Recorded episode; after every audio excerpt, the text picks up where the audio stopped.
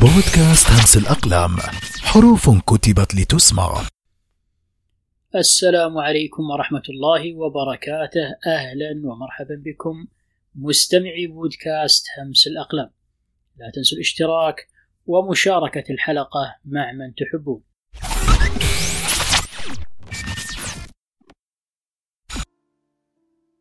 أيا هذا الشاكي وما بك داء كيف تغدو إذا غدوت عليلا؟ إن شر الجنات في الأرض نفس تتوخى قبل الرحيل الرحيل وترى الشوك في الورود وتعمى. أن ترى فوقها الندى إكليلا.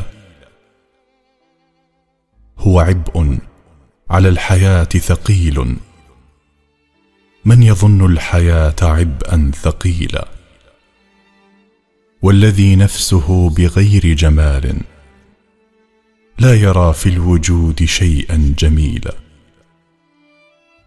ليس أشقى ممن يرى العيش مرا ويظن اللذات فيها فضولا. أحكم الناس في الحياة أناس عللوها فأحسنوا التعليل. أيا هذا الشاكي وما بك داء؟ كن جميلا ترى الوجود جميلا. شاعرنا اليوم من كبار شعراء المهجر وأحد مؤسسي الرابطة القلمية وصاحب السمير وصاحب الجداول والخمائل كتب للحب وللجمال وللوطن وللإنسان.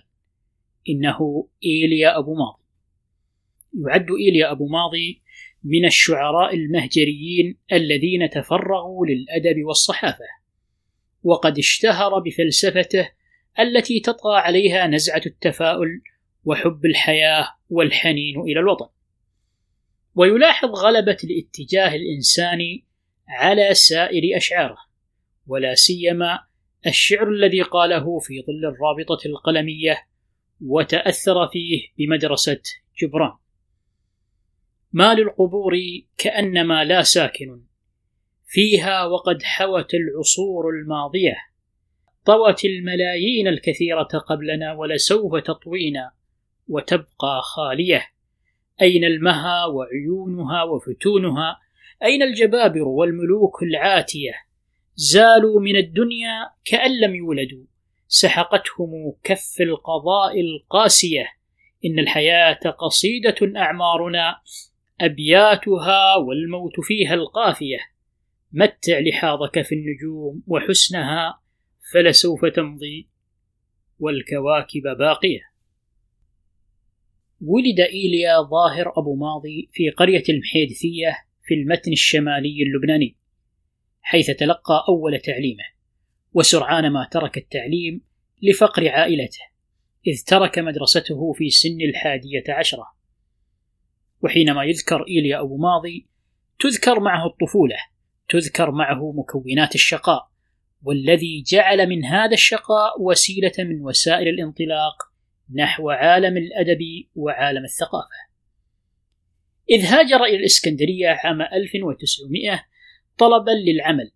وعمل هناك مع عمه الذي كان تاجرا في بيع السجائر نهارا وكان يطالع الكتب ويتعلم النحو والإعراب ليلا.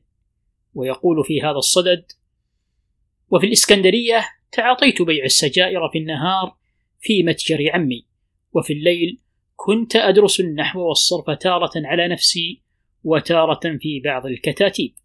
ثم انتقل إلى نيويورك وعمل فيها بالتجارة وتحول فيما بعد للعمل الصحفي والشعر والأدب إلى أن تولى رئاسة التحرير للمجلة العربية التي كانت تصدرها جمعية الشباب العربي الفلسطيني. كما ساهم في تحرير مجلة الفتاة وبرز في العديد من الأنشطة الثقافية في نيويورك أظهر انتماءه للرابطة القلمية التي أسسها نخبة من أشهر الكتاب السوريين واللبنانيين من أمثال جبران خليل جبران والتي كان لها الفضل في شهرته في العالم العربي وبلاد المهجر. يسميه النقاد شاعر الأمل والتفاؤل حيث اعتمد الشاعر إيليا أبو ماضي على أن تكون فلسفته الشعرية تتسم بالتفاؤل والواقعية وكان يجسد هذه الفلسفة القائمة على التفاؤل والتشبث بالحياة في خواطر وأشعار بهيجة. وظف فيها الخيال الإبداعي الجمالي في رسم الحياة الاجتماعية الواقعية. قال السماء كئيبة وتجهما. قلت ابتسم يكفي التجهم في السماء قال الصبا ولا فقلت له ابتسم لن يرجع الأسف الصبا المتصرما. وكان الجمال حاضرا في أغلب أعمال أبي ماضي. وامتاز بعشقه للطبيعة. يا ليتني لص لأسرق في الضحى سر اللطافة في النسيم الساري وأجس مؤتلق الجمال بإصبعي في زرقة الأفق الجميل العاري. ويوصف بأنه كان يحمل روح الشرق في المهجر. حمل هم أمته فكتب لمصر عندما هددها الطغيان. خلني أستصرخ القوم النياما أنا لا أرضى لمصر أن تضام.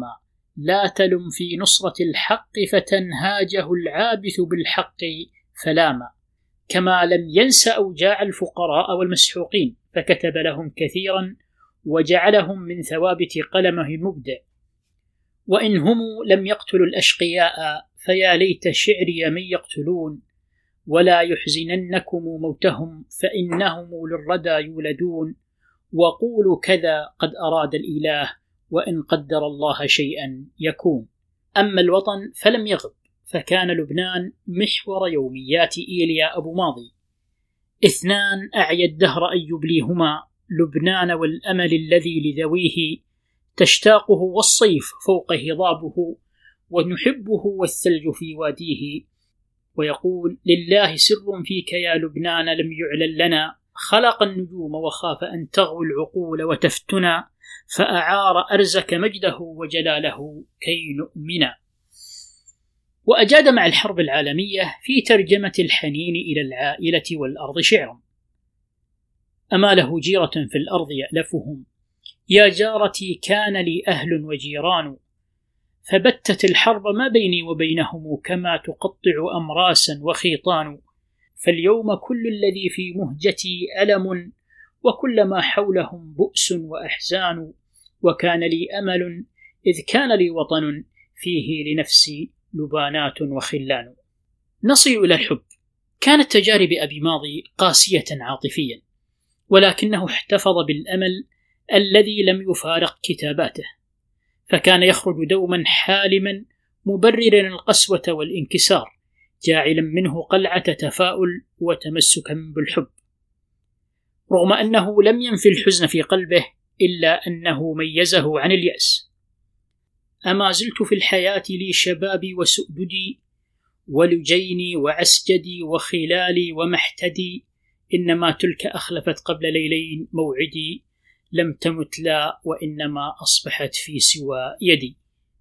توفي إيليا أبو ماضي عام 1957 في نيويورك إثر نوبة قلبية تاركا إنتاجا أدبيا متميزا قوامه أربعة دواوين هي تذكار الماضي وديوان إيليا أبو ماضي والجداول والخمائل. بودكاست همس الأقلام حروف كتبت لتسمع فرعوا لها أسماعكم.